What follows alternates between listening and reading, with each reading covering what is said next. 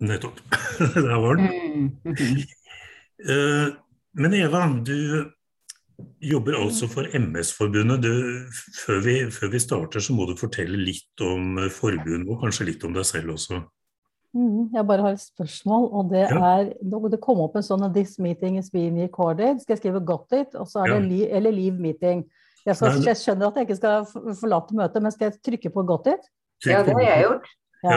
Alle dere som får opp den meldinga, må trykke på det. Det der, ja. Da lærte jeg noe i dag òg. Jeg får jo, det er en av problemene her med å skulle veilede, at jeg ser jo ikke det samme som dere, ikke sant. Nei. Men MS-forbundet da, Eva, for å ta det mm -hmm. først. Ja, altså jeg, eh, som Frank sier, heter Eva Høili og er organisasjonsrådgiver i MS-forbundet. Der har jeg jobba i drøye syv år. Og en av mine ansvarsoppgaver, det er likepersonsarbeidet. MS-forbundet står jo da for multiple sklerose. Eh, og det er en eh, kronisk sykdom, diagnose, som det ikke finnes i dag, ikke finnes eh, behandling for. MS-forbundet er noen og 60 år. Vi har 9000 medlemmer. 47 lokalforeninger. Så har vi fem regionslag. Og styret vårt, det velges eh, Vi har landsmøte annethvert år, og da velges det nytt styre. Og skal, det styret skal da bestå av uh, enten personer med MS eller pårørende til noen som har MS. Så har vi uh, seks ansatte i administrasjonen i Oslo. Vi holder til i Tollbugata 35.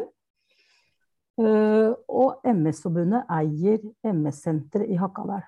Det er eh, Norges eneste til nå. Det jobbes nå for å få flere, men det har vært det eneste behandlings- og rehabiliteringsstedet for eh, diagnosen, altså rendyrka diagnosen MS i Norge. Um, vi har jobba mye med eh, likepersonsarbeidet. Det har gått litt i, eh, i bølger. Men eh, i 2017 så hadde vi en medlemsundersøkelse.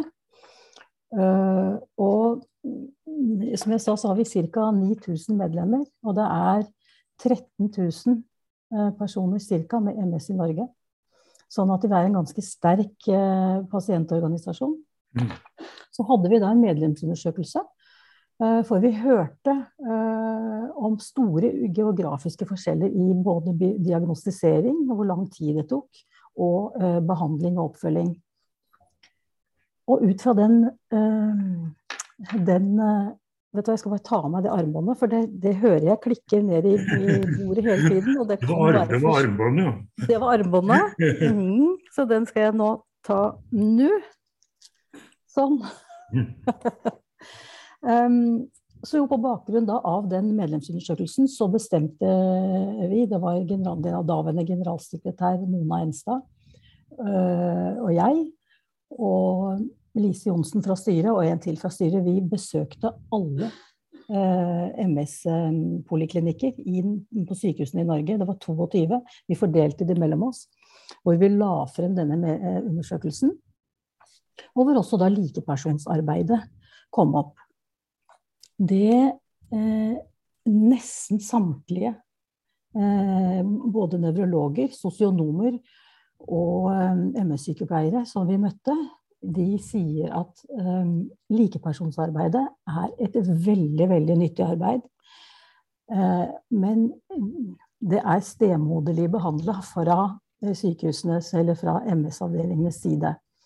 Fordi at det er, det er, så mange å forholde seg til, og det er vanskelig. Så hvis dere kan klare å få én kontaktlikeperson til sykehuset vårt, så skal vi eh, henvende eh, Altså få pasienten til å ta kontakt med den kontaktlikepersonen, og så mm, kan da finne en passende likeperson for eh, for det er klart at hvis det er en nydiagnostisert uh, ung dame på 25 som lurer på om hun kan få barn, og vil ha noen å snakke med, da er det ikke noe særlig nyttig for den unge jenta å snakke med en mann på 75 som har hatt MS i 30 år. Ikke sant? Altså, så, så, vi måtte systematisere det. Og den, da hjalp faktisk helsepersonellet oss til å se eh, nødvendigheten. Mer kanskje enn det vi hadde gjort på forhånd. Så Og det eh, Man blir jo aldri utlært, egentlig, fordi det oppstår jo stadig vekk nye situasjoner og nye eh, Både det ene og det andre. sånn at det er jo ikke et, et, et det er jo ikke en, et statisk tilbud, for å si det sånn. Men jeg skal da si litt om likepersonsarbeidet. Og mm, tilbudet som vi har i, vår, i vårt forbund, hvem som kan være likeperson, og hva kjennetegner en eh, god likeperson. Det kommer litt inn på samtale og grensesetting, men det er sånne ting som man kan snakke mer om senere, som går direkte på selve eh, en likepersonssamtale. Ja, mer, Men, mer, for de som, mer som et kurs for de som skal være likepersoner? Ja, mm, som lurer litt på mm. eh, hvordan dette Hva er det, og hva trenger jeg å, mm. å, å, kunne? Men du Eva, før du starter nå, kanskje vi bare, ja. bare skal understreke den avtalen vi har ja. gjort på forhånd. Ja. At du forteller oss nå yes. hvordan dere jobber, mm. og gir oss disse litt generelle denne mm. oversikten over hva likepersonsarbeid er, ja. som fra myndighetenes side og sånn. Mm. Så er det vår jobb i samtalen etterpå, og når vi tenker videre, å anvende dette på vår ja. situasjon og vår organisasjon som vi er eksperter på. Ja, fordi at det eh, hvis jeg skal Frank og jeg snakka litt om dette. fordi at det, altså, For oss, har, det er jo en diagnose, ikke sant. Altså, og, og Eh, og MS blir jo noe annet enn deres situasjon. Eh, selv om det er mange like eh, og utfordringene kan være det samme når man har en utfordring å leve med altså som, er, som er der i livet. Men, men, som Frank sier, jeg snakker om Så hvis jeg sier MS eller um, sykdom, så må dere ha meg unnskyldt. Jeg mener, altså, jeg, jeg mener, ikke å sette dere i den samme båsen som det, men Eh, som det våre er. Men bare, for at dere skal uh, For at det skal bli best mulig, da. For det jeg kan, det er jo sånn som vi har det. Så får dere, får dere, ta det som uh, passer for dere, og, og omsette det til deres situasjon og deres mm. virkelighet. Yes. La meg bare gå i gang, Eva. Yes. Um, altså Den første gangen som begrepet likepersonsarbeid, det heter jo likemann, på det tidspunktet. Nå heter det likeperson fordi at det, i likestillingens navn. Eh, det dukka første gangen opp i regjeringens handlingsplan for funksjonshemmede.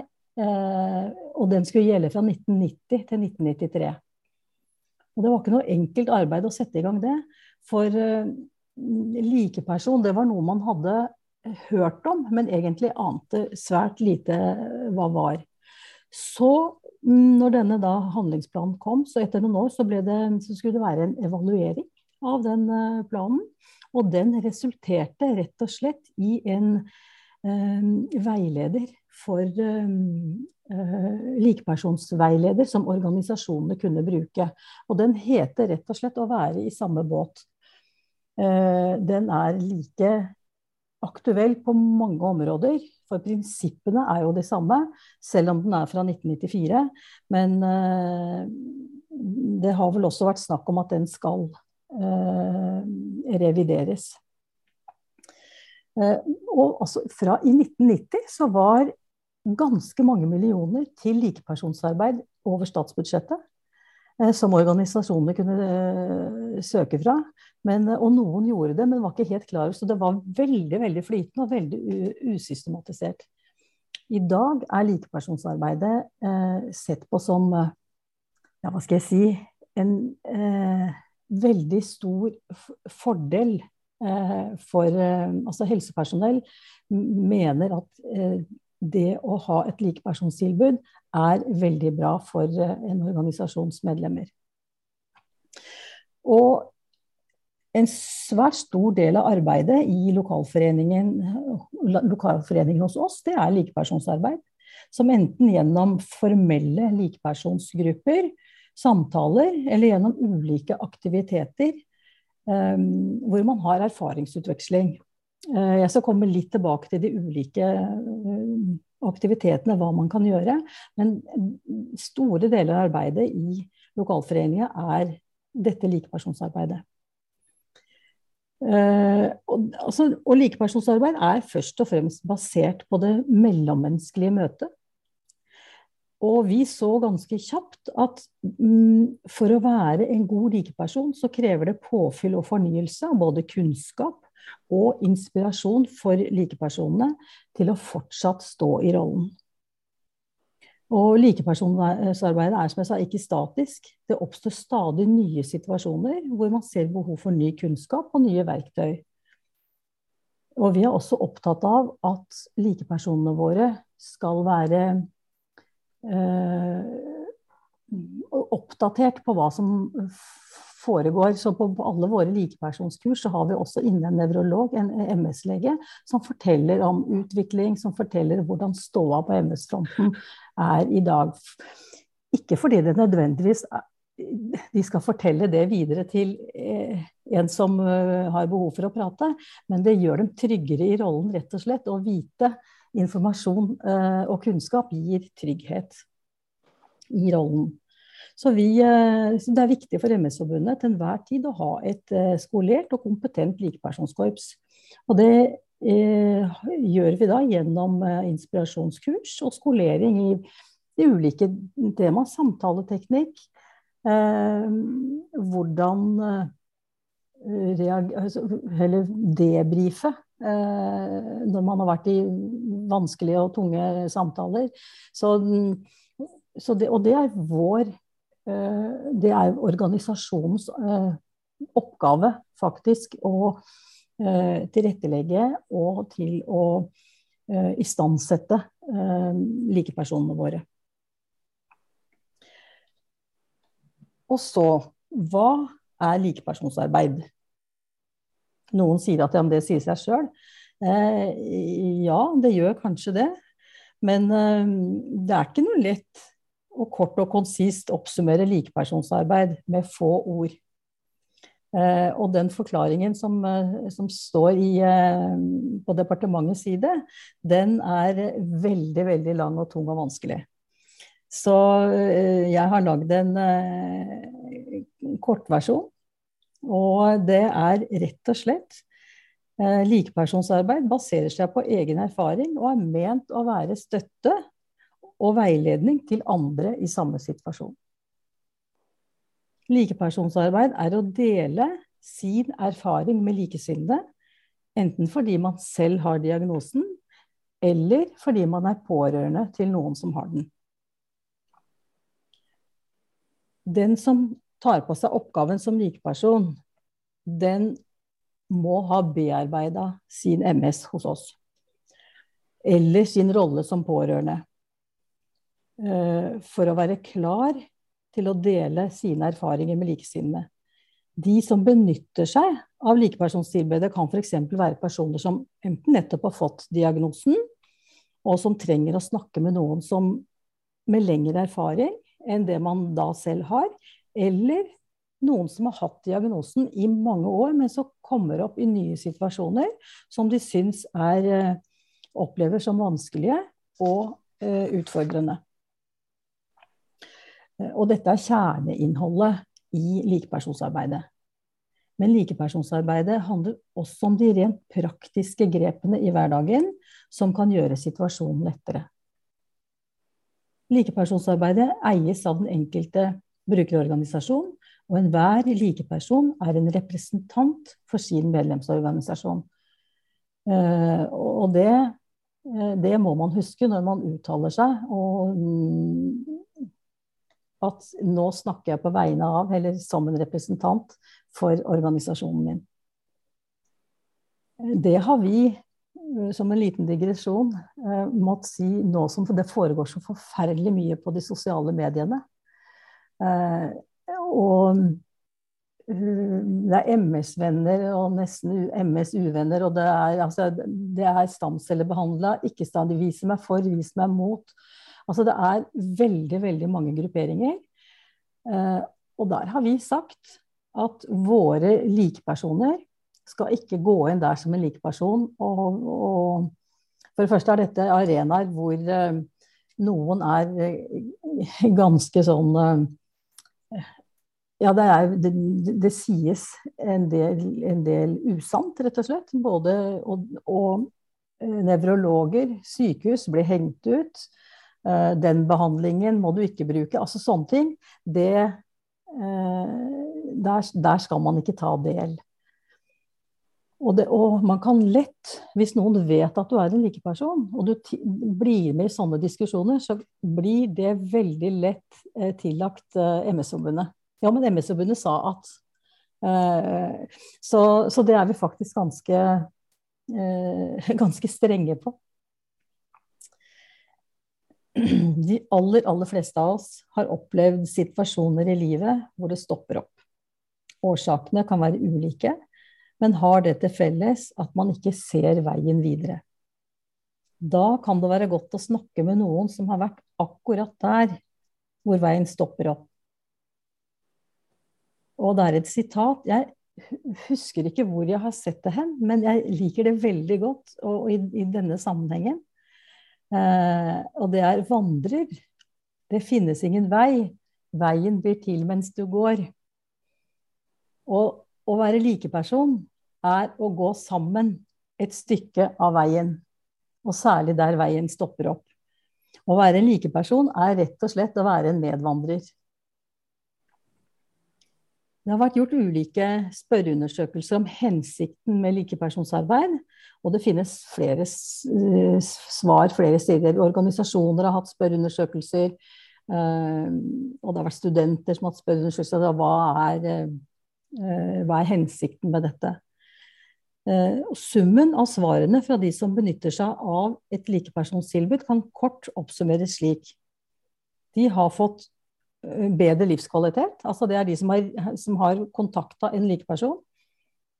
De har fått bedre livskvalitet, økt selvtillit og mer tro på seg selv. Sosial rehabilitering og etablering av nettverk. De har fått et bedre liv sammen med ens nærmeste. Det er da veldig ofte pårørende som, eh, som er riktig og sier det. Og de har fått økt kunnskap om diagnosen. Og hvis man oppsummerer likepersonenes svar, så er det kort og godt. Det er godt å kunne hjelpe. Det gir mestringsfølelse, og det er fint å vite at man kan være til nytte for andre i samme situasjon. Og mange eh, av våre er eh, uføre og ute av jobb, eller kanskje bare har eh, en liten mm, jobbbrøk så for, for, for dem eh, er det veldig, veldig godt å ha denne likepersonsrollen. De føler at de er til nytte, rett og slett. Eh, og, og, vi får mange eh, tilbakemeldinger på at eh, vi har gode likepersoner. Og, og, det er veldig godt å vite. Og en annen ting er at det, føler, det er også noen som sier av likepersoner det føler til personlig utvikling. Vi lærer om oss selv i møte med andre. Og så sånn sett så er det en vinn-vinn-situasjon. Og hvorfor er så likepersonsarbeid så viktig? Vi har for så vidt snakka litt om det. Men dette er et unikt tilbud som brukerorganisasjonene kan tilby, som ikke fagpersoner i helsetjenesten eh, eller helsepersonell eh, kan. Og det er de veldig klar over eh, selv, helsepersonell. For, og de ser problemene fra et utenfra faglig perspektiv, mens en likeperson ser den andres problemer fra et brukerperspektiv. Og det er, det er stor forskjell. En likeperson er viktig for den enkelte som ønsker kontakt med en person eller gruppe som man kan dele erfaringer med og få råd fra. Å få snakke med en som er i samme båt, er av uvurderlig betydning for den som oppsøker eller kontakter en likeperson. Og likepersonsarbeidet, vi må ikke glemme de pårørende. Vi har eh, Ofte så deler vi likepersonskurset vårt i, i to. For, for, pårørende og for, for den som har diagnosen. Jeg har også ansvar for ungarbeidet i MS-forbundet. Og en gang i året så har vi et arrangement som heter Kickoff for unge med MS. Og det er eh, aldersgruppe fra eh, 18 til 40 år. Og det går over en helg. Og det er eh, Vi har masse faglig Eh, påfyll og informasjon. Enten det er eh, rettigheter, Nav i forhold til utdanning, arbeid, søkearbeid, sånne ting. Eller forsknings, hva foregår på forskningsfronten. Eh, sex og samliv. Mange, altså sånne eh, eh, nyttige faglige ting, da. Men det de sier på evalueringene, det er Altså, de takker for uh, alt det gode de har fått lært, men det å få møte noen i samme eh, situasjon, det er gull verdt. Og for mange så er det første gangen Altså, dette er jo for hele landet. Uh, og noen steder så er det jo kanskje bare én og to Altså i, i småkommuner så er det ikke så mange unge med, med diagnosen. Og for mange så er det første gangen som de treffer da flere som er som dem sjøl. Og, altså, og, det dannes vennskap, og det dannes eh, nettverk som er helt rørende, faktisk, å, å um, se på. Og vi hadde nå på siste, som vi hadde nå i høst, så var det eh, Det var vel fem rullestolbrukere. Eh, og um, ei av de som, uh, jentene som var der, hun, hennes største mareritt og spøkelse, det var å måtte havne i rullestol. Hun hadde en tante som uh, hadde MS, og selv om det er tilfeldig, det er, det er jo ikke arvelig, så um, Og hun satt i rullestol. Så kommer hun, og hun har vært sånn, hun har nesten ikke ønska å oppsøke og se andre med MS i det hele tatt, fordi at hun har vært litt Eh, redd for hvordan hun kommer til å bli. Eh, så kommer hun dit, og der var det jo en lærer som satt i rullestol. Eh, en som jobba i oljeindustrien, sitter i rullestol. Unge mennesker som er kjempeoppegående. Og var med på frisbeegolf, og som var med. Altså, var med. Og, og hun ble helt satt ut. For dette hadde hun ikke tenkt seg og at det liksom skulle, skulle være sånn. Så hun eh, rett og slett spurte da eh, en av de som satt i rullestol, om hun kunne få prøve. Eh, og hun, hun, tårene rant, og, og det, var, det, var, veldig flott, egentlig. For hun sa at vet du hva, dette er ikke min verste fiende, dette blir min beste venn. Sånn at det, og dette er også likepersonsarbeidet. Eh, sånne uformelle, formelle mm, samlinger eh, er eh, Der foregår det veldig mye likepersonsarbeid. Ja Jeg skal ta en slurk vann, jeg.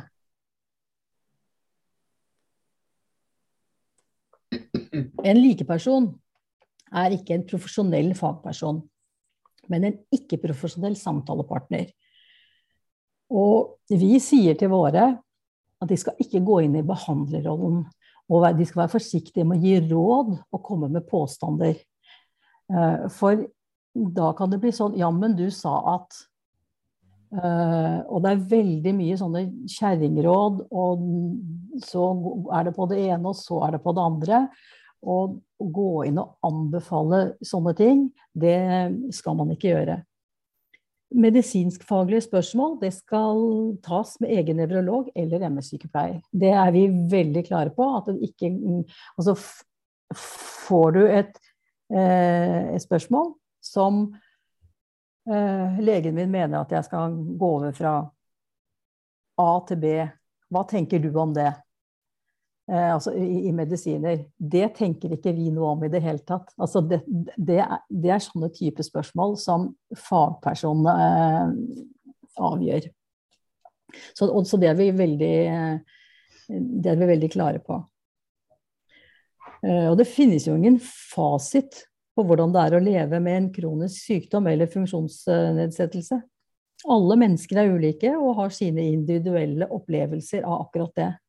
Noen trenger støtte og veiledning for å håndtere både små og store spørsmål i livet med en kronisk sykdom.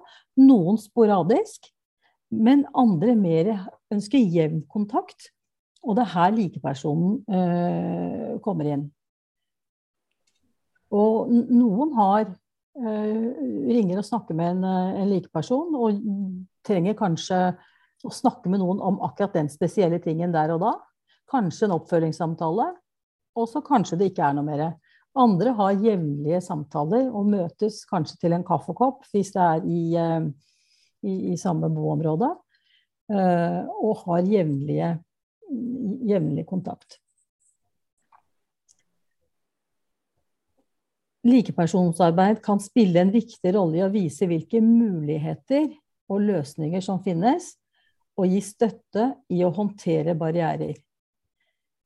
En likeperson kan hjelpe den andre å løfte blikket og se løsninger.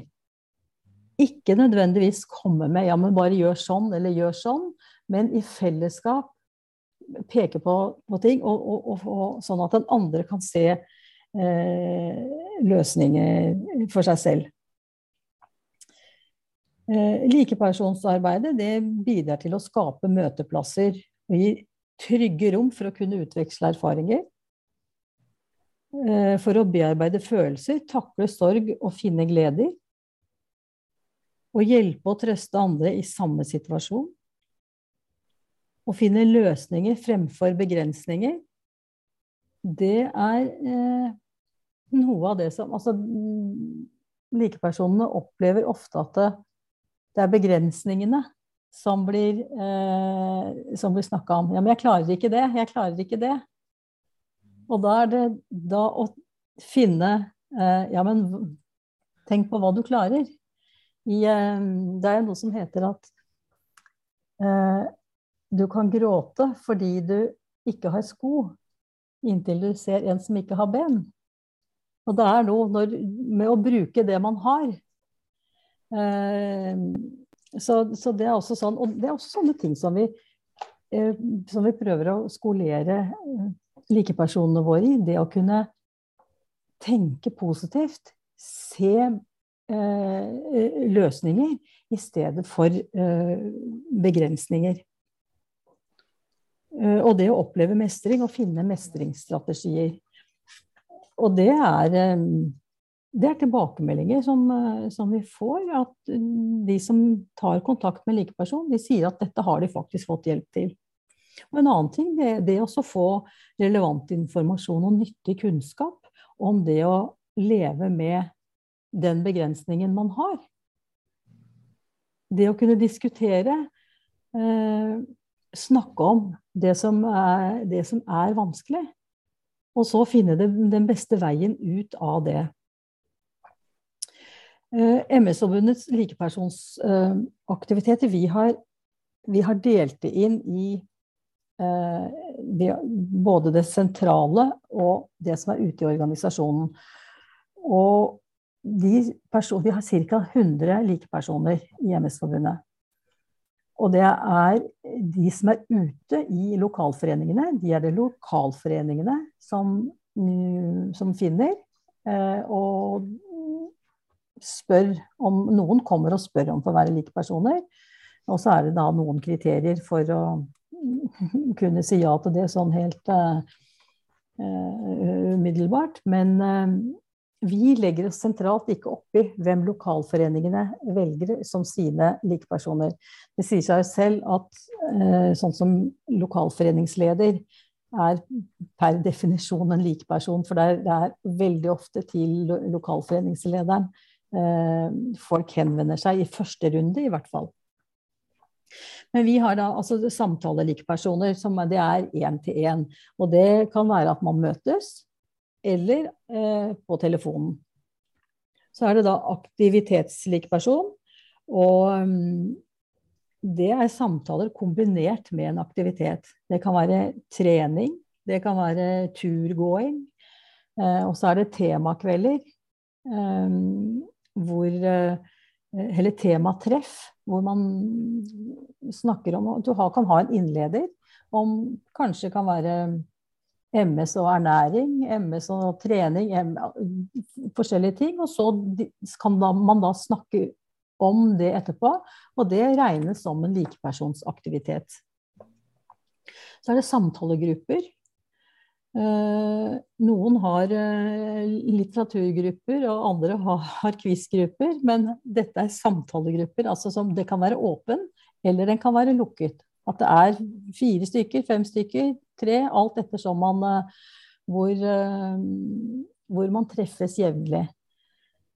Jeg vet om det er flere lokalforeninger som har formiddagstreff. De møtes over en kaffekopp på et, eh, et, bestemt sted, og der sitter de og snakker om uh, ting som Hyggelige ting.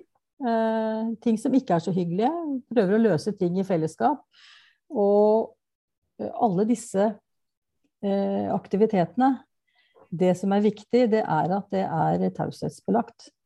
Jeg skal komme litt tilbake, tilbake til det. Men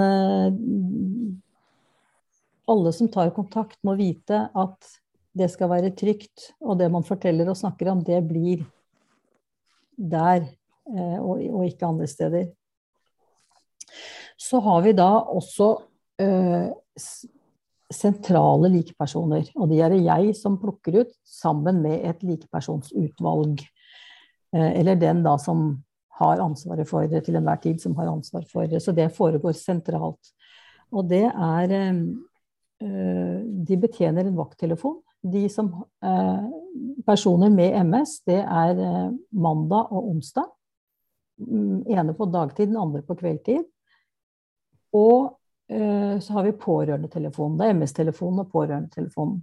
Og dette er da erfarne, dyktige eh, likepersoner som har et eh, Hva skal jeg si mm, reflektert og, og bearbeida forhold til sin uh, rolle og sin situasjon. Og, uh, og, så da går det på rundgang. Vi har vel fem nå på MS-telefonen, og så har vi fire bare på pårørendetelefonen. Det blir ikke veldig, veldig mye brukt, men uh, de som ringer inn, det er som regel lange samtaler. Og men mange av de, vi har funnet ut at mange av de samtalene som kommer til kontoret, altså til oss ansatte eh, som lurer på ting, de kunne like gjerne vært tatt til en, eh, til en likeperson. Så for vi har lurt litt på hvorfor blir ikke det tilbudet mer, mer brukt. Men det kan hende at det er en barriere. Altså det står på, vi har på hjemmesida vår så, så, står det 'telefonen er betjent sånn og sånn', og ring. Og der står det ikke noe navn eh, og hvem som sitter i den andre enden. Så vi skal se litt på, på det nå, for uh, den har vært litt mer brukt nå i, uh, under pandemien. Men er det vanskeligere å kontakte noen som du vet sitter og tar imot sånne telefoner, enn det er å ringe et sentralbord og si at du har Du skulle gjerne snakka med noen som Så vi, vi ser litt på, på, sånne ting. Men at det er behov for å få noen å snakke med, det, det er det. Så hvordan vi løser det, det, eh, det må vi gjøre på best mulig måte. Eh, vi ønsker at eh, alle Jo, kontaktlikepersoner, som jeg sa litt om innledningsvis, de er også kontaktleddet mellom MS-poliklinikkene og MS-forbundet, som er knytta til likepersonsarbeidet. Alle våre likepersoner skal ha gått på kurs. Det Dessverre, hadde jeg nesten sagt, så er det ikke noe krav fra myndighetene. Det var det tidligere, men eh, det, det er det ikke lenger. Altså for å få at du måtte ha en slags uh, sertifisering uh, for, få, for, at organisasjonen skulle få uh, støtte. Men, så det er borte. Så men allikevel, vi vi har, sagt at vi ønsker at alle våre likepersoner de, de skal gå på kurs. Og så er det da 1000-kronersspørsmålet. Hvem kan være likeperson? Uh, utgangspunktet for å bli likeperson for personer med MS da hos oss, er at man uh, Hvis du skal sitte og betjene en MS-telefon, så må du ha MS. Eh, og, for, og likeperson for pårørende, de skal være pårørende til en som har diagnosen. I tillegg så er det noen veldig viktige kvalifikasjoner. Eh, du må ha et bearbeida forhold og en viss distanse til egen eh, diagnose eller til rollen som pårørende. Og så sies Det er selvfølgelig individuelt, men eh, det sies at det tar tre til fem år før du liksom eh, kan ha Altså får du, får du diagnosen som ung, så kan det ta inntil fem år før du egentlig har liksom erkjent at ok, sånn er det, og sånn blir det. Uh, og dette kan, jeg, dette kan, jeg, leve med, og er, denne, nå er jeg trygg i den rollen. Uh, så eh, jeg hadde en ung uh, dame som ringte. Hun, da, hun kom nesten fra sykehuset. og hadde, hun hadde vært på et kurs, nydiagnostiseringskurs, hun hadde fått diagnosen da for ja, tre måneder, tre til fem måneder siden. Eh, og så sier hun hun meldte seg gjerne til tjeneste. Hun, ville, hun, hun kunne tenke seg å bli lik person. Og selvfølgelig, jeg måtte jo takke for at hun var interessert i det, men at vi Da måtte hun gå kurs og, og, og sånn. Og jeg, sa, og jeg sa, da måtte jeg si det at våre likepersoner må ha levd i For på denne korte stunden så kan du ikke klare å være oppe i alle de situasjoner som eh, en innringer eller en du treffer, kan, eh, kan komme til å spørre om. Og da Ja, hun så det da, så hun skulle ta kontakt med meg senere. Så, eh, så akkurat det derre tidsperspektivet, det, kan, det, er, det er ganske viktig. Og så noe annet som er viktig, det er at man må kunne skille mellom egne og andres problemer. Eh, som likeperson skal du ikke fokusere på egne uløste problemer. Hvis du har noen, noe du føler er vanskelig, så må du ha din likeperson å snakke med. Det kan ikke være sånn at når, da en ringer eller du treffer en og skal snakke med, så er det liksom du som legger fram dine ting. Ja, men jeg har det sånn. Eller at det, eh, det blir feil. Eh, det som er viktig, det er at man eh, er interessert og har eh, tid og ønske om å gjøre en god innsats. Og ikke minst ha evne til å se mulighetene og ikke begrensningene. Og en annen viktig ting Altså, Likepersonen bør ha eh, kjennskap til lokalforeningens tilbud og kunne henvise til MS-forbundets eh, hjelpetilbud. Vi har jo sosionom, vi har eh, eh fagpersoner, vi har nevrologer, MS-sykepleiere.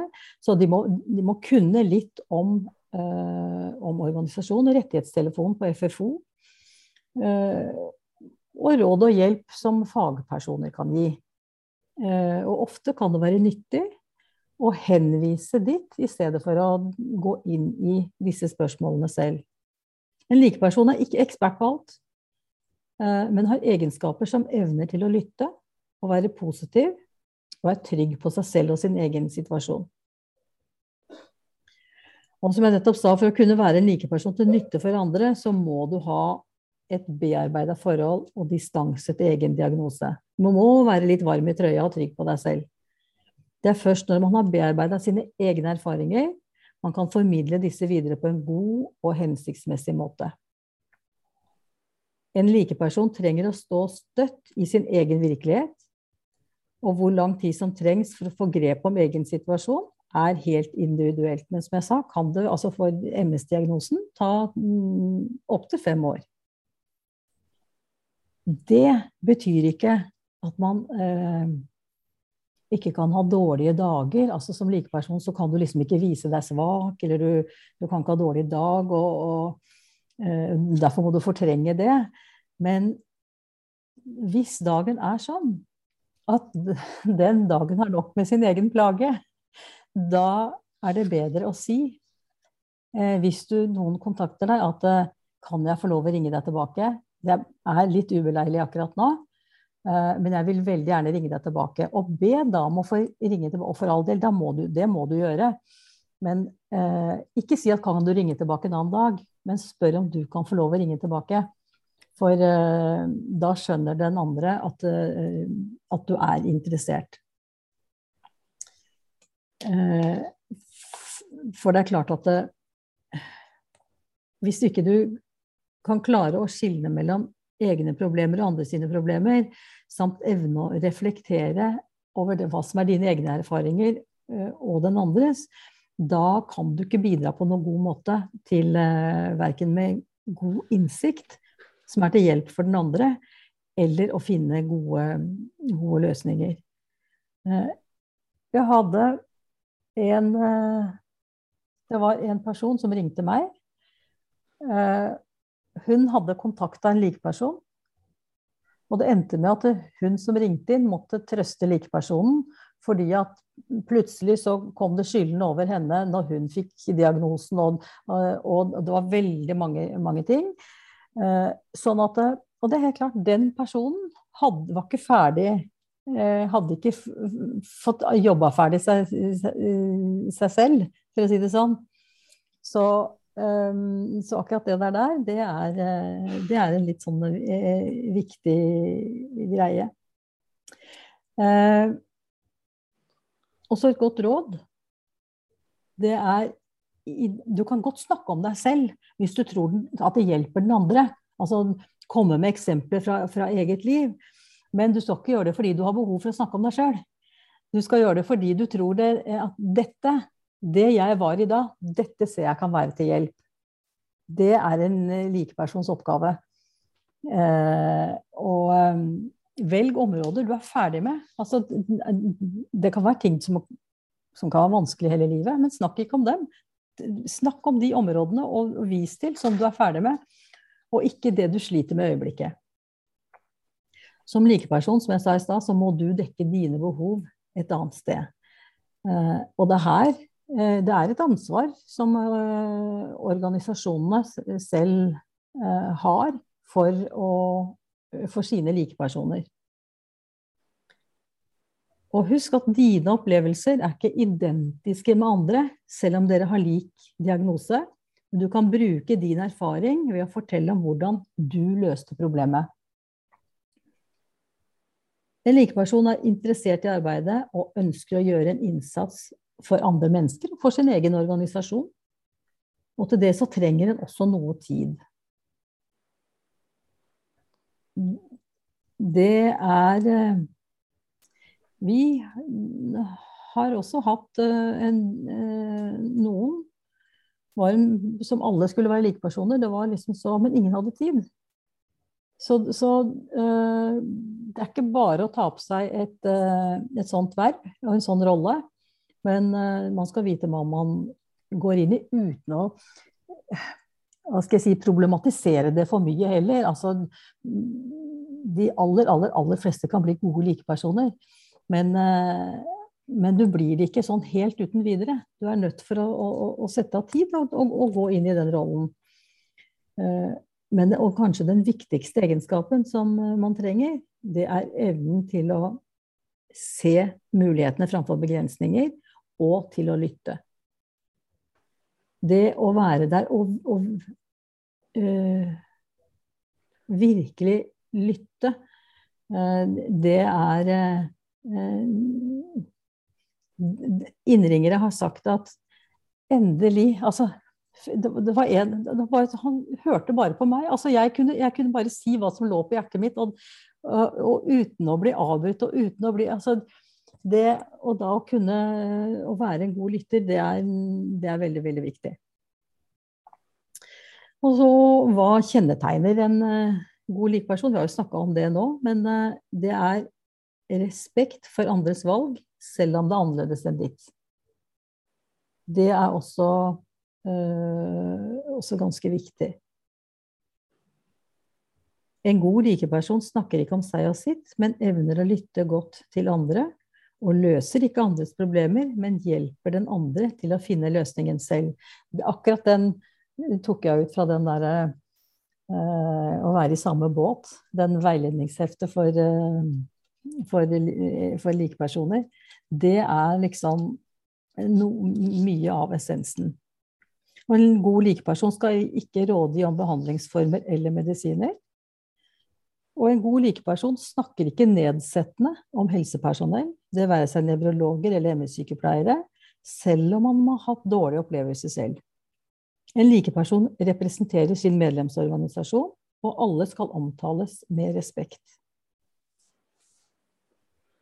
Og en god likeperson har et ønske, et genuint ønske, om å hjelpe andre. Nå skal jeg ta en slurk med vann, og så skal vi snakke litt om grensesetting. Jeg skal snart gå inn for uh, landet. Har jeg brukt veldig lang tid? Ja, det har jeg. Nei, men du må ta grensesettinga. Ja. Ja. ja er, eh, vi har ikke så veldig mye igjen nå, altså. Jeg skal ikke sette noen grenser for deg, jeg. det, det var ikke sånn grensesetting. Nei, når jeg først snakker meg varm, altså Dette her brenner jeg litt for. Jeg synes det er, eh, for jeg har sett hvor viktig det er. Og jeg har sett hvordan liksom eh, På begge sider av bordet, da, både likepersonen og den som har tatt kontakt, mm. altså hvor, hvor uh, mye det betyr for begge to, rett og slett. Så det ja, Men vi har fortsatt tid, vi, Eva. Ja, fint. Ja. Um, det er ikke mulig å sette noen Eh, generelle grenser eh, for alle likepersoner. For, alle, for mm, likepersonene er jo som alle andre eh, mennesker forskjellige. Og det som føles helt naturlig for noen å snakke om, kan føles grensesprengende for andre. Og kanskje svært ubekvemt også. Derfor er det viktig å kunne sette noen grenser både for deg selv og for andre. Og du velger selv hvor personlig du vil være ut ifra hva som føles naturlig for deg. I likepersonsarbeidet kan man også komme borti den vanskelige og vonde samtalen. Personlige betroelser man helst ikke ønsker å mene noe om. Den andre kan bli ufin eller slibrig, eller sliter med mørke tanker og meddeler ting som du synes er vanskelige og krevende. Det er i disse samtalene man virkelig kan få behov for å sette grenser. En likeperson har et avgrenset ansvar og begrenset involvering. Og det er viktig å huske på at den andres problemer er aldri likepersons problem. Sånn at eh, noen ganger så eh, En likeperson skal ikke, skal ikke si ting han, som kanskje føles unaturlig å snakke om, fordi at eh, man føler seg pressa til det. Eh, når betroelser, ytringer, blir ufine, usaklige eller ekle, er det lov f.eks. å si jeg forstår at du er frustrert, sint, lei deg, eller hva du måtte oppfatte den eh, andre til å være. Og jeg har respekt for hvordan du har det akkurat nå, men jeg må likevel få si at jeg syns samtalen vår har endret karakter. Vi avslutter samtalen nå, så kan jeg ringe deg, eller du ringer meg om et par dager når ting får roa seg. Uh, og, og, og, det er klart, det kan være samlivsproblemer. Det kan være problemer i forhold til jobb. Det kan være i forhold til barn, altså pårørende. Uh, uh, og, og, og, for ikke å snakke om altså, psykisk helse. Så det er mange aspekter som kan, som kan komme frem. og da er det greit å vite at du har, er i din fulle rett til å avslutte samtalen når du føler det ubekvemt. Og vi hadde eh, en sånn en eh, Merker at det var dame, det òg. Hun eh, begynte på, øverst på, på, lista av likepersoner og tok etter tur. Hun, altså hun var jo ulykkelig, men ingen hørte på henne. Hun, da, datteren hennes var håpløs, alle var håpløse. MS-forbundet de kunne reise til et visst sted. Eh, hun banna og sverta, og det var bare vi, Ikke kunne vi noe, ikke, ikke fikk ha hjelp fra Nav og ikke fikk av Og da måtte vi rett og slett bare si eh, at eh, vi henviste, Til å begynne med så henviste vi liksom til hjelpeapparat og sånne ting, men ingenting nytta. Men når vi så det var henne som ringte inn, så uh, tok Da ga vi lov til altså, For de begynte å grue seg til de skulle ha vaktene sine, de sentrale likepersonene. Sånn at, uh, og når de så hun ringte inn, så sa jeg at dere kan mm, henvise til meg, henvise henne til meg. Bare be henne ringe meg. Uh, og vi hadde et par samtaler med henne. Og jeg følte at jeg kunne være mye mer direkte. Altså som, som ansatt og som uh, Så det, ble det på en annen måte. Uh, men uh, Og plutselig så, så, ga hun seg. Men hun følte at hele verden var imot. Og, og, det er greit. Det kan vi gjøre noen og hver fra tid til annen.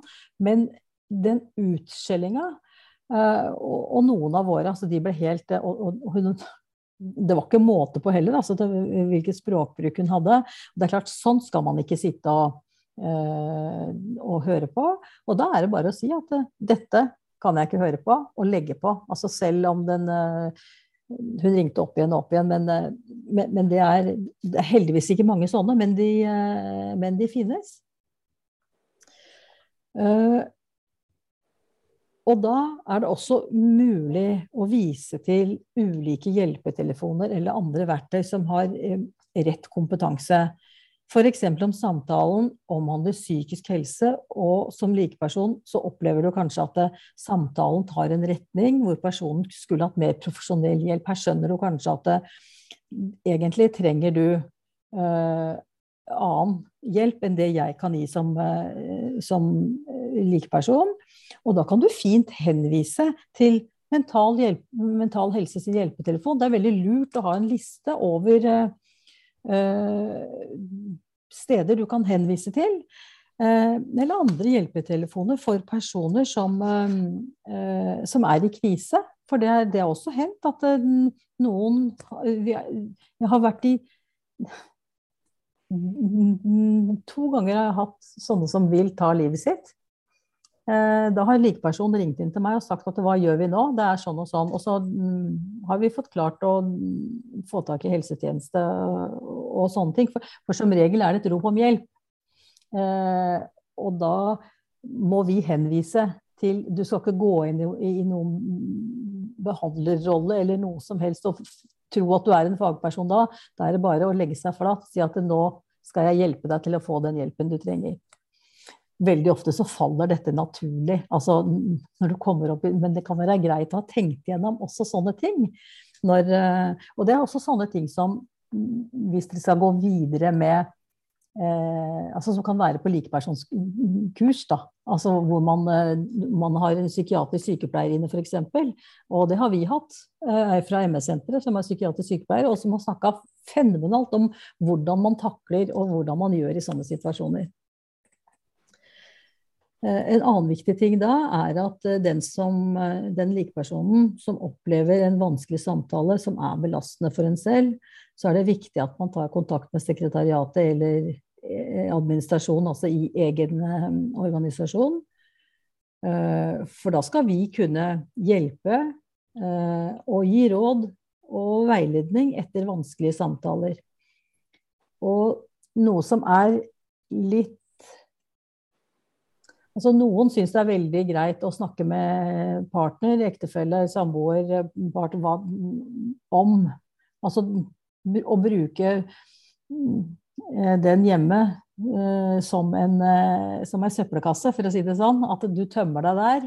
Men det er egentlig ikke, ikke, ikke så greit. For da blir det en be, Selvfølgelig, man er åpen og snakker om ting som er vanskelig. jeg mener ikke det. Men det er ikke, det er ikke da partneren din som skal være eh, din debrifer, egentlig. Det, er, det skal hjelpeapparatet i organisasjonen kunne takle hvis det er store, alvorlige ting altså som virkelig som du ikke klarer å, å slippe tak i. Sånn at um, jeg husker uh, i mitt forrige liv, for å si det sånn, altså min eks han jobba i begravelsesbyrå. Og uh, det var, var, jo selvfølgelig mye trist. Men der fikk de beskjed om at du skal ikke bruke den hjemme som en Det er ikke der du skal ta ut frustrasjonene eh, som du har i jobb. Det må du eh, Som går på sånne vanskelige ting, da. Det, der, men de hadde jo profesjonelle eh, til å ta seg sånne ting.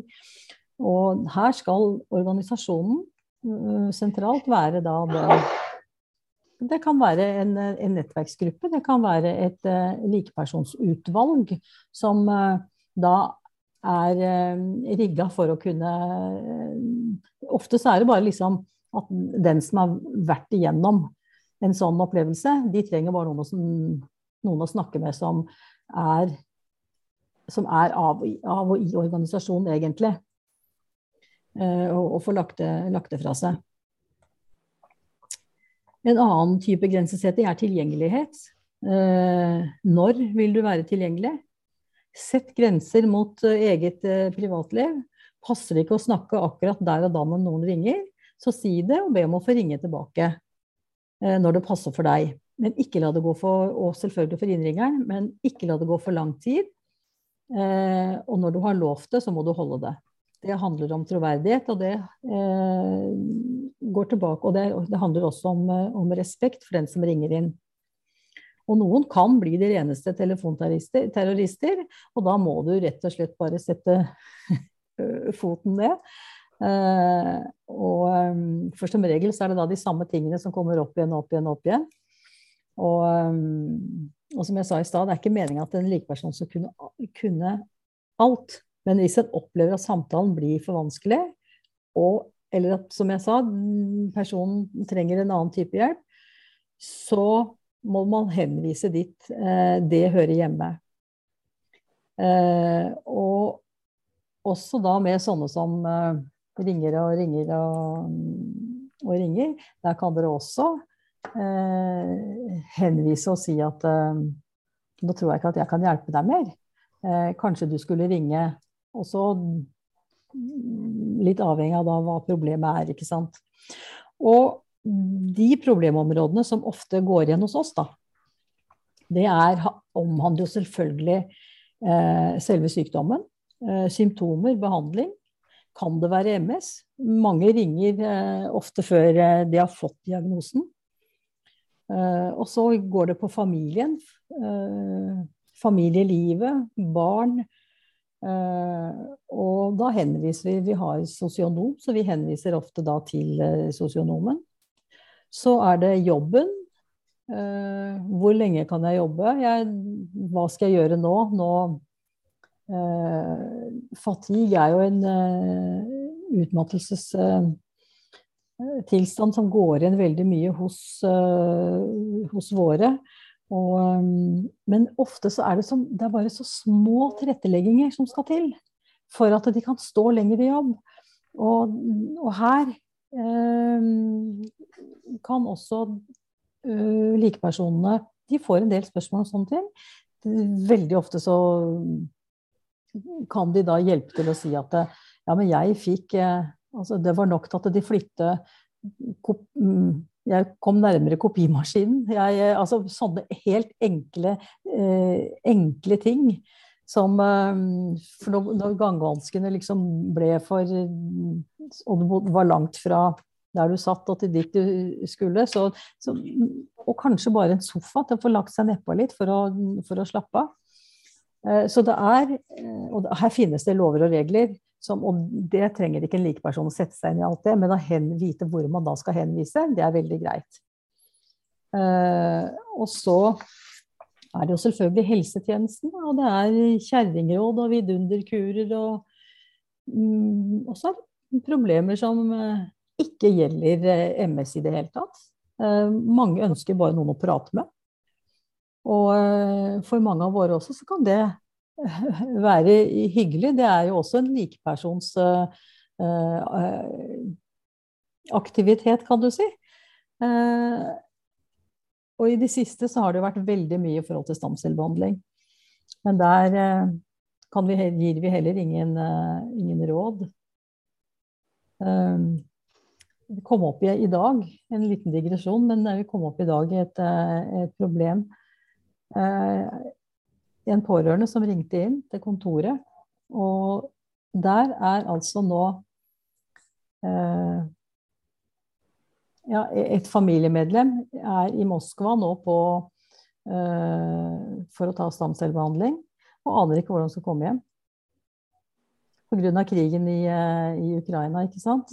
Noen har ringt inn og sagt at uh, vi har betalt inn Altså hvis dem uh, det, Og her må vi holde tunga veldig rett i munnen, for nå kommer vi opp i en sånn situasjon som mange tenkte liksom at eh, ja, men dette er jo noe MS-forbundet må altså, Dette kan vel dere gjøre noe med? Kan ikke dere hjelpe oss?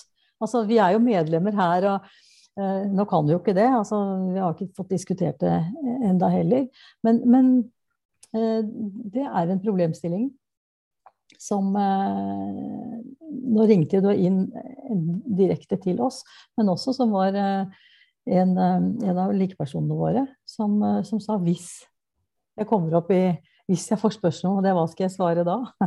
Så der må vi bare gi en tilbakemelding. Så,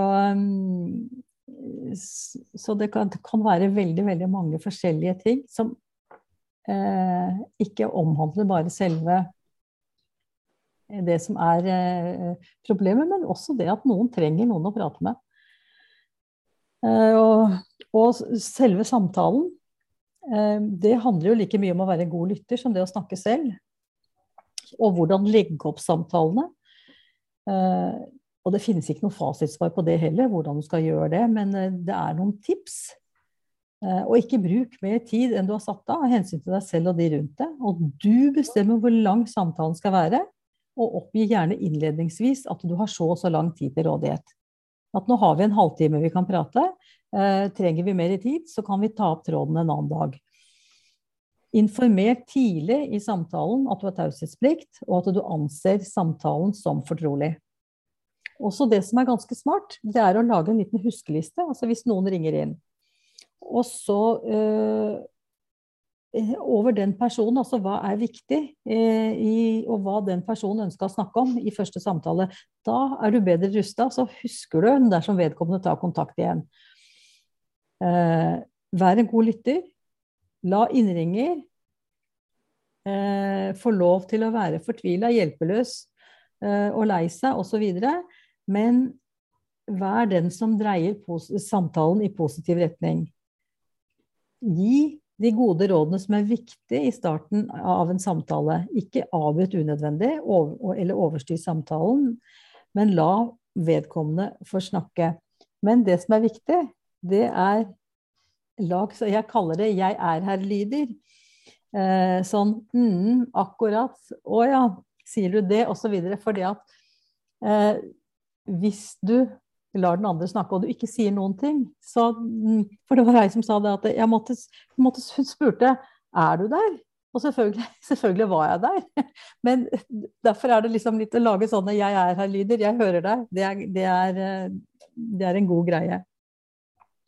Og så stiller du forsiktige spørsmål hvis samtalen ikke kommer i gang. F.eks.: Hvordan fikk du vite om likepersonstilbudet? Og hva var bakgrunnen for at du tar kontakt, og hva er viktig for deg å få ut av denne samtalen? Og så lar du personen få definere selv med sitt problem, men vær obs på sånne oppvarmingsspørsmål. Og dersom det går helt i stå, så kan du fortelle om arrangementer og medlemsmøter og aktiviteter i lokalforeningen din. Anbefale å delta. Trå varsomt, men skap en trygg atmosfære. Det gjør ingenting om du overtar samtalen hvis den andre ikke får sagt, det er et, kanskje en stor, høy terskel det å bare ha tatt kontakt. Så hvis du føler at ting går i stå, så fortell om eh, eh, hva du er med på i, i, organisasjonen. Og dersom du mener samtalen har vart for lenge og dere bare går i ring, eller det flyter ut, så kan du si at er det noe mer du lurer på nå? Og så avslutter du så med å ønske lykke til, og ta gjerne kontakt igjen. Og så Eh, er det jo smart, egentlig, å bli enige om det, og hvem som tar initiativet. Og helt Nå skal jeg gå inn for landing. Det skal jeg si til slutt si om taushetsplikt og fortrolig informasjon. Hva er fortrolig informasjon? det er å si noe som ikke skal fortelles videre. Eller det er noe som ikke skal fortelles videre. Eh, eller opplyse om noe som ikke skal være allment kjent. Det er, for, det er fortrolig informasjon. Taushetsplikten er ikke juridisk, men den er moralsk. Og så, når kan taushetsplikten oppheves? Og det er når det er fare for liv og helse. Hvis du mm, får en samtale hvor du mener at her er det fare for liv og helse, da kan du bryte taushetsplikten. Eh, du kan ringe til organisasjonen din. Du kan eh, Det er kanskje det Hvis ikke du har fått ut noe av den personen om For hvis det går, går så langt, så har nok den personen også snakka om et, at den har vært i et behandlingstilbud, at den har fått tilbud altså At det er sånne ting. Det, I hvert fall har vi opplevd det. At da er det litt mer informasjon du får. For da kan du si at når du forteller meg dette, da må jeg gå videre med det. Har du noen du vil jeg skal ringe, og si at du trenger hjelp? Altså da men dette er også ting som uh, man kan komme tilbake til og få gode råd på. Men absolutt. Men men jeg bare nevner det. Så respons og tilbakemeldinger fra innringere. Godt å snakke med en som forstår meg og hvordan jeg har det. Du har gitt meg nytt håp. Jeg er så glad at jeg ringte deg den gangen.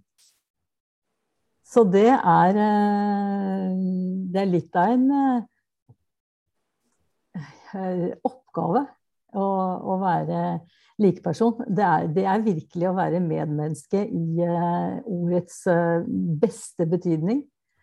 Og så er det opp til organisasjonene som eier like, person, eier like og sette de i stand og skolere og, og ta godt vare på de som ønsker å være til hjelp for andre på den måten.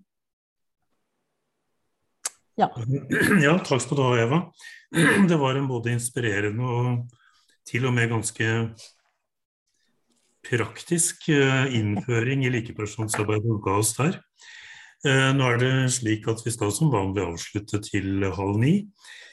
Men da har vi litt tid til å ta en runde hvis det er spørsmål til Eva, eller tanker eh, dere som deltakere nå har gjort dere underveis her om eh, hvordan dette kan anvendes i vår sammenheng. Og noen av dere har vel også litt erfaring som likepersoner fra Blindeforbundet, tror jeg at jeg vet, og kan dele noe av det.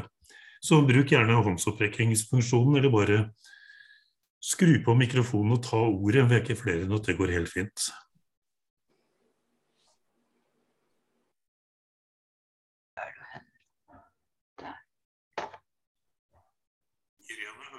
Fra deg? Nei, du skrudde av?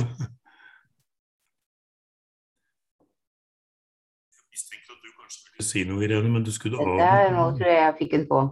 Ja, den var hun ja. på. Ja. ja du skjønner, jeg, jeg blingser sånn, jeg ser ikke ordentlig, skjønner du. Nei, det er det. Det er det med deg. Ja, det er det med meg. Det er litt nytt, det skjønner du. Ja da. Nei, men jeg har jo vært med i Blindeforbundet. Uh, jeg er jo sånn uh, hva heter det for noe, eh, medlemskontakt i Blindeforbundet. Så jeg ringer en hel haug med mennesker en gang, eller også noen ringer jeg to ganger i året. Men det er litt forskjellig, for det er ikke alle som vil ha to ganger i året. Men da er det jo sånn lytting og sånt noe og snakking. Og så syns jeg jo det at det, eh, i KAB-sammenheng, når vi er på stevner f.eks., og vi prater sammen der. Det syns jeg er veldig Der er det jo mye likepersonsarbeid når vi er sammen i KAB-stevner, fordi at det der eh, vi prater sammen. Det er jo god tid til å prate og sånn, og det tror jeg er veldig viktig, for vi kan få støtte av hverandre. Det er jo noe som er fint med, med disse samlingene. At vi kan på en måte, uten at vi liksom vet at vi er like personer, så er vi det likevel. Fordi vi prater sammen om veldig mange ting. Så det, Og så har vi jo av og til hatt noen sånne eh, kåserier òg, hvor vi forteller fra, fra, vårt liv og sånn, hvordan vi har takla ting. Og det, kan, det, er jo også en måte å drive likepersonsarbeid mm. på. Fordi at vi, vi uh, forteller da og kan Å ja, det var kanskje en lur idé, eller det kan jeg tenke på, eller noe sånt. At man kan få høre at ja, men det er ikke bare jeg som har det sånn. Mm. Uh, så det blir, jeg tror i vår sammenheng blir det veldig brukt mye likepersonsarbeid, altså. Kanskje på et enkelt plan, men uh, ikke så mye kanskje på telefonen enda, men det kan jo være at det er en ting vi skal tenke på og uh, ta mer tid til å snakke med enkeltpersoner. Men som sagt, på arrangementene våre så er det veldig fint. Og nå har vi jo begynt med KAB kortreist. Og det var også veldig fint, syns jeg. For da har, er liksom folk fra samme region. Å ja, er du med òg? Å ja, ja, men da, da går det an å prate med dem kanskje en annen gang. Så jeg, jeg syns at det er mye, mye likepersonsarbeid der. Og så har vi jo også noe i Blindeforbundet som heter Onsdagsklubben. Vi skal forresten ha en sånn klubb i morgen. Uh, da er det en del ja, De fleste har jo blitt uh, svaksynte i senere år, men vi har også noen som har vært svaksynte bestandig, sånn som meg. Og, og da, hvis det kommer noen nye, så, så, kan vi snakke med dem. Ja, hva slags hjelp trenger du? uh, ja, men det går kanskje an å ordne sånn og sånn, eller Ja, vi, vi prater med hverandre, og vi har en nå som vi begynner å bli ganske handikappet med hensyn til synet. Og da tenker vi som så Hvordan kan vi hjelpe deg? Så vi er flere av oss som, som har liksom engasjert oss litt i han, da. Men han har jo vært svaksynt i mange år, han også, men liksom nå begynner å bli altså Han har jo sånn RP, da, sånn Sånn at han blir jo mer og mer svaksynt etter hvert. Så jeg syns i grunnen at vi har, vi har en del likepersonsarbeid, i hvert fall. Og vi er kanskje midt i hjertet av det vi skal være når vi kaller oss en diakonal organisasjon. Mm. I det vi snakker om nå, ikke sant. Øyvind, jeg så du skrudde på mikrofonen din. Betyr det at du ville si noe? Nei, jeg ville bare høre litt med deg, Eva. Hygg, veldig hyggelig å treffe deg sånn levende livet gjennom et kamera. Og så takk for et veldig bra foredrag med veldig mange gode, konkrete innspill. Hvor organisert er et sånt likepersonsarbeid? Altså, her er det jo noe, noe man kan rapportere inn, f.eks. til eh, Bufdir mm. for å få eventuelt mer støtte. Mm. Kan det som Irene peker på, rapporteres inn, eller må det være mer organisert? Nei, altså hovedsaken er at det er en som, som er definert som Eh, likeperson. Ja. Som, eh, og, og, det skal skrives opp. Nå husker jeg ikke akkurat hvordan det er, men det skal skrives eh, Det kreves ikke noe særlig mer enn at det rapporteres inn på, på dato og på aktivitet. Ja, får jeg lov å si noe der? Mm. Um, fordi at vi, har, vi hadde jo en, en, periode hvor vi hadde en, en eller annen av svaksynte eller blinde som fortalte sånn og det fikk vi faktisk støtte for, de foredragene eller de kåseriene som, som vi hadde da. Ja. Inger Anne? Ja, Inger Anne. Eh, jeg vet ikke om jeg avbrøt Eva om hun skulle si kom mer igjen. til Øyvind. Nei, bare kom igjen. men, men, jeg tenkte jo det at eh, jeg er enig med ideen at disse stevnene vi har, da driver vi nok en del likemannsarbeid også, men jeg tenkte jo det at det er perioder mellom disse stevnene vi har også. Da tenkte jo jeg kanskje dette med litt mer telefonvenner kan være en flott hjelp. Og så tenkte jeg jo der som vi har lokalart, der er det jo også en måte vi også driver på en måte en del litemannsarbeid der også. Selv om det er jo møter vi har, da. Med, men vi treffer jo hverandre og kan snakke og mm gi råd der også?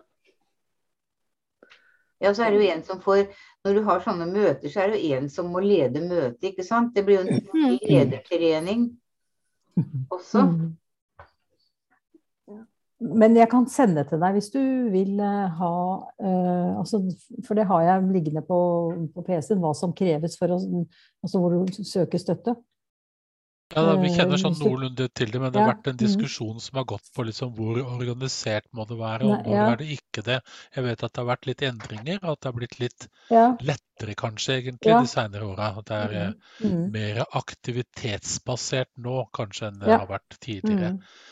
Eh, en annen ting er det sånn at eh, hvis man er likeperson, får man lønn for dette? Nei. Altså du skal ikke ha utgifter på det. Så, øh, men øh, det er jo Altså dette inngår jo per definisjon i frivillig arbeid.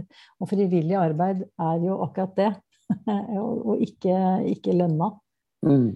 Eh, Så ingen av våre likepersoner har eh, eh, får blir honorert. Hvordan får dere folk til å være motivert til å stå på, eller er det sånn at de gir seg etter et halvt år, eller holder de på år etter år? Nei, vet du hva, nå er jeg faktisk i den situasjonen at eh, jeg må nesten begynne å si opp. det, ja, fordi at eh, vi er nødt for å rekruttere eh, unge. Nei, altså det er faktisk så mm, Men, men jeg tror det er viktig uh, at vi ser dem, at vi skolerer dem, at vi eh, har disse inspirasjonssamlingene, og det gjør at eh, de føler det veldig meningsfylt. Og det er klart at det, tilbakemeldinger de får Altså Når du får en telefon eller du treffer den du har snakka med flere ganger og sier at det, vet du hva, altså du ga meg nytt håp. Altså jeg så helt, Det er klart at det gjør noe med, eh, gjør noe med deg. Sånn at jeg, jeg, de ser på det som veldig meningsfylt, tror jeg. Det er et par jeg ser et par stykker til som har Ja. eh, Heidi først, kanskje, så Mette og Hilde. Jeg tenkte, mm, vi har jo, ja, jeg er jo likemann i Blindeforbundet, eller likeperson, rehabiliteringskontakt i Blindeforbundet, og jeg har vært i 30 år. Men, eh, og Blindeforbundet begynte jo veldig tidlig med likemannsarbeid, eller likeperson. Vi begynte på 60-tallet, og myndighetene kalte det for kvakksalveri og sa at dere får ikke støtte hvis ikke dere slutter med dette tullet deres. Vi slutta jo ikke, men eh, jeg husker veldig godt på 90-tallet, da den i samme båt kom, og, og det blei mer eh, spiselig da, for myndighetene og for det helsevesenet også at vi hadde likemannsarbeid. Eh, men vi i Blindeforbundet har jo forskjellige ordninger. Vi har jo medlemskontaktene som er i fylkeslagene, og som er liksom lokalt. Og så har vi rehabiliteringskontaktene som eh, rekrutteres og som er gjennom rehabiliteringsavdelingene sentralt. Og så har vi jo rehabiliteringsassistentene på rehabiliteringskursene våre og habiliteringskursene våre. Vi får jo litt lønn, altså ikke lønn, men vi får et honorar. Um, et symbolsk honorar, egentlig. Både for å være assistent på Hurdal, og, eller på sentrene, når vi er der i dager og uker. Det er ikke jeg, men jeg er rehabiliteringskontakt, og vi reiser på besøk. Vi kommer på hjemmebesøk til enhver krok av landet. Eh, Og vi får så klart dekka utgiftene, men så får vi også en liten, et lite honorar for oppmøte og for å skrive en rapport fra hjemmebesøket som rehabiliteringsavdelingen skal følge opp hvis det er ting, eh, søknader eller henvisninger til eh, bydelen eller hjelpeapparat og sånne ting. Så det er litt sånn forskjell på hvordan de likemannsarbeidene foregår i de forskjellige organisasjonene. Og vi, får Mhm. også, vi har jo også årlige samlinger med faglig påfyll. Og kan jo veldig mye om hjelpeapparatet. Vi lærer mye om det. Mm. Mm. Vi har ikke den type eh, så det, Som du sier, det, det blir noe helt annet. Eh, Så Mm. vi har, vi har ikke den type likepersoner. Så at det, det blir honorert på, det syns jeg er helt greit. Dere har litt mer sånn på det medlemskontaktnivået som vi har, ikke sant? Mm. Mm. Da er det Mette og så Hilde, og så må, hvis det er flere som vil ha ordet da, så må de liksom begynne å melde seg snart. Da. Mm. For det, vi skal snakke litt om videreføring av kursene. Eh, akkurat. Der ga du stikkordet. Kurset. Mm. Altså, det du nå har fortalt er kjempeflott, men og så sier du at man må gå et kurs. Ikke sant? Og det, det er jo ikke et Zoom-kurs, det er et fysisk kurs, regner jeg med. Mm. Eh, og er det da et kurs som dere selv har utarbeida, eller har dere fått henta inn materiale fra et annet sted? Fra andre? Begge deler, for å si det sånn. Mm. Eh, Vi har, eh, det er flere i, altså andre organisasjoner som er kjempegode på dette med likepersonsarbeid. Mm. Og, men vi henter alltid inn noen fagpersoner som f.eks. da sånn som det en eh, psykiatrisk sykepleier, som, for å ta den biten, så er det Mm. kanskje en som er god på kommunikasjon, som snakker om den gode samtalen. Eh, Mm. Og så um, har vi hatt en som er bare helt fantastisk, som det vi hører om igjen og om igjen, så da kan jeg ikke bruke han lenger, for nå blir det for eh, Og det er han eh, Nordengen. eh, Per Anders Nordengen. Har dere brukt han i noen sammenheng? Nei, det var ikke det. Nei. Det, han er så inspirerende. Uh, og det har jeg hatt på likepersonskurs, og de, er, de elsker han bare, altså. Ja. Så det, Mm. men, eh, men det er klart, Mm. de, de kursene, de, uh, der er det både leg og lærd, for å si det sånn. Mm. Mm. Men det, det er kurs som dere i MS-foreningen selv har laget? Ja. ja. Ja. Mm. Mm. Så henter vi inn kompetanse. Ja. Mm. Det går som regel over en helg. Ja. Det er jo interessant at du nevner Per Anders Nordengen, og at vi ikke har tenkt på han, så takk for det. Eh, Han er jo, han er jo prest i Prinsdal, er det vel? Han er prest, kåsør og forfatter og Ja, ja. Eh, I vår sammenheng så vil det vel kanskje også være aktuelt, tenker jeg, å få noe hjelp fra Kirkens SOS Mm. f.eks., som er Mm. inne på et område som kan ligne noen av de tingene vi møter. Da. Eh, Men Hilde, du som er diakon i KAB, og så ser jeg hånda til Ingrid Merete. Nå kan du si at Mette spurte for meg. For det var akkurat det med kurs. Eh, Tusen takk for et veldig inspirerende og flott eh, foredrag, eller hva, kall det hva du vil. Ja. Jeg skjønner at Jeg liker veldig godt det du sier om at man skal ha noen sånne inspirasjonssamlinger når man har kommet gjennom dette nåløyet, på en måte. da. Mm. eh, Og blitt en slags sertifisert likeperson. Men der har vi jo en jobb å gjøre i forhold til at noen eh, noen må kurses. Fordi det skal jo være et sånn visst nivå. Og det var, så det var egentlig det jeg lurte på, men nå fikk jeg høre mye om det eh, fra forrige spørsmålsstiller, så da trenger ikke jeg å bruke så veldig mye mer tid, tror jeg.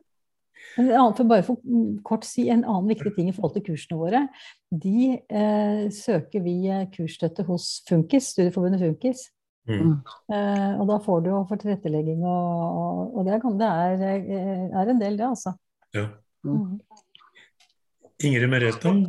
Ja, unnskyld, var det Nei, ja, nei, ja, jeg tenkte også for så vidt at eh, det er interessant det du sier om at dere har kurs både for pårørende Mm. Eh, og for ja, folk med diagnosen. Da. Mm. Der òg kan jo vi tenke litt bredt, på en måte. Mm. Da var det Ingrid Merete. Ja, jeg eh, har sittet og fulgt med og har ivret veldig for dette med eh, telefonvenn. Nå har jeg blitt litt skremt av for jeg tenker Tenk om vi gjør noe feil, og så blir det helt krise her. Og så. Men jeg har fremdeles, fremdeles lyst til å bidra. Men det jeg ville si da om, om uh, dette, er at jeg ser jo mer og mer behov for kursing av de som skal gjøre ulike ting, sånn at man, man føler seg mer rustet til saker og ting. Mm. Da er vi egentlig over på det jeg skulle avslutte med. Eh, Men jeg må- bare for- ja, bare Ja, fordi at jeg, jeg vil ikke at, og, og jeg håper ikke dere sitter med et sånt inntrykk av at det er et veldig nåløy å bli likeperson. Altså å være et ekte medmenneske som øh, har evnen til å lytte og vise omsorg og har empati, det er det viktigste. Og, og det, Ingrid Merete, det er, det er nest, du, du kan ikke få gjort noe galt. Altså, det, nei, så det, det trenger du ikke. Man skal ikke være redd for rollen. Men mange av våre også har vært det. Og det som, hvorfor jeg fremhever dette med skolering og inspirasjon og dette, det er for å gjøre den enkelte tryggere i rollen. Rett og slett. For å takle eh, de tingene som måtte komme. Det går vel også an å tenke her, du får stoppe meg hvis det ikke stemmer, Eva, men når Ingrid Merete nevner ordet telefonvenn, så går det jo også an å tenke seg at uh, det er noe som kan være på et litt annet nivå også enn det å være likeperson. Mm. Altså hvis noen har kanskje bare det behovet å ha noen de kan snakke med innimellom om vær og vind og barnebarn og ensomhet og hva det måtte være, mm. ikke sant. Mm. Uh, eller, eller, vi i KAB har jo også et behov for å ha folk som f.eks. kan ringe opp nye brukere og mm. informere dem om hvilke tilbud vi har. Mm. Ikke sånn Som kanskje bare er én samtale, men som eventuelt kan munne ut i at man ser at denne personen trenger en likeperson å snakke med. Så det er jo mange ulike løsninger. Da. Nå er dette siste samling i det kurset dere har meldt dere på. Og stemmen begynner å forsvinne her. Eh, og vi understrekte jo da dere meldte dere på at dette er uforpliktende. Det betyr ikke at du nødvendigvis eh, skal komme ut i andre enden og være frivillig medarbeider eller likeperson i KAB, selv om vi ønsker jo å ha med alle sammen videre, også de som ikke er til stede på samlinga i dag. Og nå har vi da snakket mye om eh, betydningen av opplæring og kursing, så nå må vi jo videre på en eller annen måte. Så det vi egentlig ber dere om nå, da, det er å gi oss en tilbakemelding. Hva, hva tenker du nå, etter de tre samlingene vi har hatt? Hva kan du tenke deg å bidra med?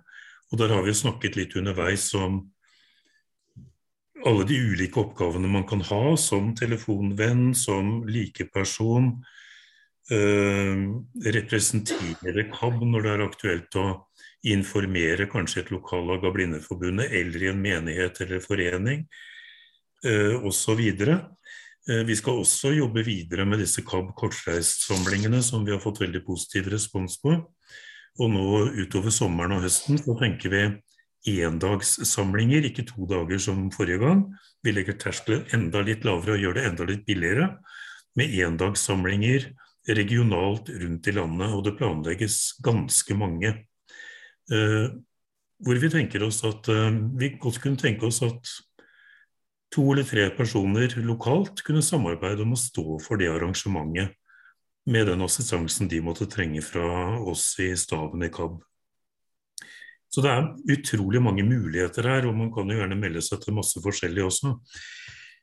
Så det ja. Når du sier stå for arrangementet, da er det snakk om å holde foredrag og ha timer og Nei? Det var et ledende spørsmål, Hilde. Ja. For du visste at svaret var nei. Ja, takk, takk, for at du sa det. For der, der, skal vi absolutt bistå. Dere kan sikkert finne lokale krefter. Men vi tenker på sånne ting som å finne et lokale Kanskje snakke, snakke, med noen venner og kjente dere har, eller noen i en menighet dere har tilknytning til, om noen kan hjelpe til å stille med en bevertning. Få få skaffe skyss til de som måtte trenge å bli henta hjemme. Altså litt sånne enkle, praktiske oppgaver. Mm. Innafor de rammene som hver enkelt av dere tenker at dere er i stand til å håndtere. Og så har jo vi tenkt også denne gangen at vi er ute på en liten turné altså, med et um, program som både består av um, foredrag og kulturinnslag og det har vært. Så, um, så dere, dere, står ikke helt alene. Var det svaret, Hilde? Ja. ja. Nå skjønte du det. Nå skjønte jeg det.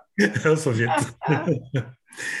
Men det vi ber om nå, da, det er at dere sender eh, en e-post, dere som vil det. Den kan dere sende til meg eller til Hilde, men det blir Hilde som kommer til å samle opp uh, tilbakemeldingene. Eller så kan dere jo ta en uh, telefon, gjerne til Hilde, som er veldig hyggelig å snakke med. Eh, og bare drøfte litt hva som kan være aktuelt. Ut fra de tilbakemeldingene vi da får, så vil vi i løpet av noen uker legge et løp hvor vi kan tilby etter hvert sikkert et likepersonskurs. Et kurs kanskje i å være telefonvenn. Eh, et kurs, et, hva kaller vi det, presentasjonskurs. Altså hvordan presenterer vi KAB, og hva sier vi? Og så trener vi kanskje litt på å framføre det. Og så at vi gjerne vil tilby dere en oppfølging og en opplæring. Så ikke glem oss nå, da. Selv om dette har vært, dette har vært hyggelig tre tirsdager, men, eh, men vi vil gjerne ha dere med videre. Øyvind, da kan du eh, få ta avslutningen. Nei, bare si at det, det har vært drevet likepersonsarbeid i KAB tidligere. Det har vært mye sånn deling av kunnskap oss seg imellom, uten at man har, organisert det så veldig. og det skal få lov å fortsette. Og så har det vært behov for å organisere det litt tydeligere, fordi at det har fulgt noen midler med dette. Så det har vært gjort mye bra før, men, men nå ønsker vi å, å gjøre mer av dette. Og det er ikke først og fremst jeg som ønsker dette, det er landsstyret i KAB. Det er landsstyret som bestemmer, og det er jo dere. Altså det er deres folk som har bestemt at vi skal gjøre mer type eh, likeperson, eh, aktivere folk som er medlemmer, involvere dere. Og så er, så er dere litt sånn piloten, dere er litt sånn pilotprosjekt hvor vi starter litt på nytt igjen. Og det kommer til å bli kurs hvor man møter folk fysisk med hverandre. Og vi kommer til å invitere flere. Så, så vi oppmuntrer dere til å være litt sånn frimodige, som det heter i sånn kristen sammenheng. Og si litt at jeg eh, kan tenke meg det. Og så kan det hende at vi sier at ja, det er bra. Eller kanskje vi sier kanskje du skulle prøvd noe annet, eller at vi har en litt sånn åpen og ærlig samtale. Vi vil veldig gjerne at dere er med videre på noe. Og vi skal treffe hverandre ansikt til ansikt også. Så jeg tror ikke jeg har så mye mer å si enn det. Dette er noe som KAB som organisasjon vil, med landsstyret i spissen. Når uh, opptaket fra dette møtet er uh, klart, og jeg kan sende dere en link, så får dere det i en e-post, og da skal jeg minne dere på de tingene vi har sagt nå til slutt. Skal vi si takk for i kveld, da? Og Veldig takk til deg, Eva. Jeg tror kanskje vi kommer til å snakke mhm. sammen seinere også. Ja. ja, det tror jeg òg. jeg får takke for at jeg fikk lov, eller at dere spurte meg. Jeg syns det har vært veldig givende. Så bra. jeg ser dere gjerne igjen. Ja, men så bra. Det, det, har, jeg, det har jeg nå på opptak. Ja. Har du flere vitner? ja. Så da kan jeg skru. Masse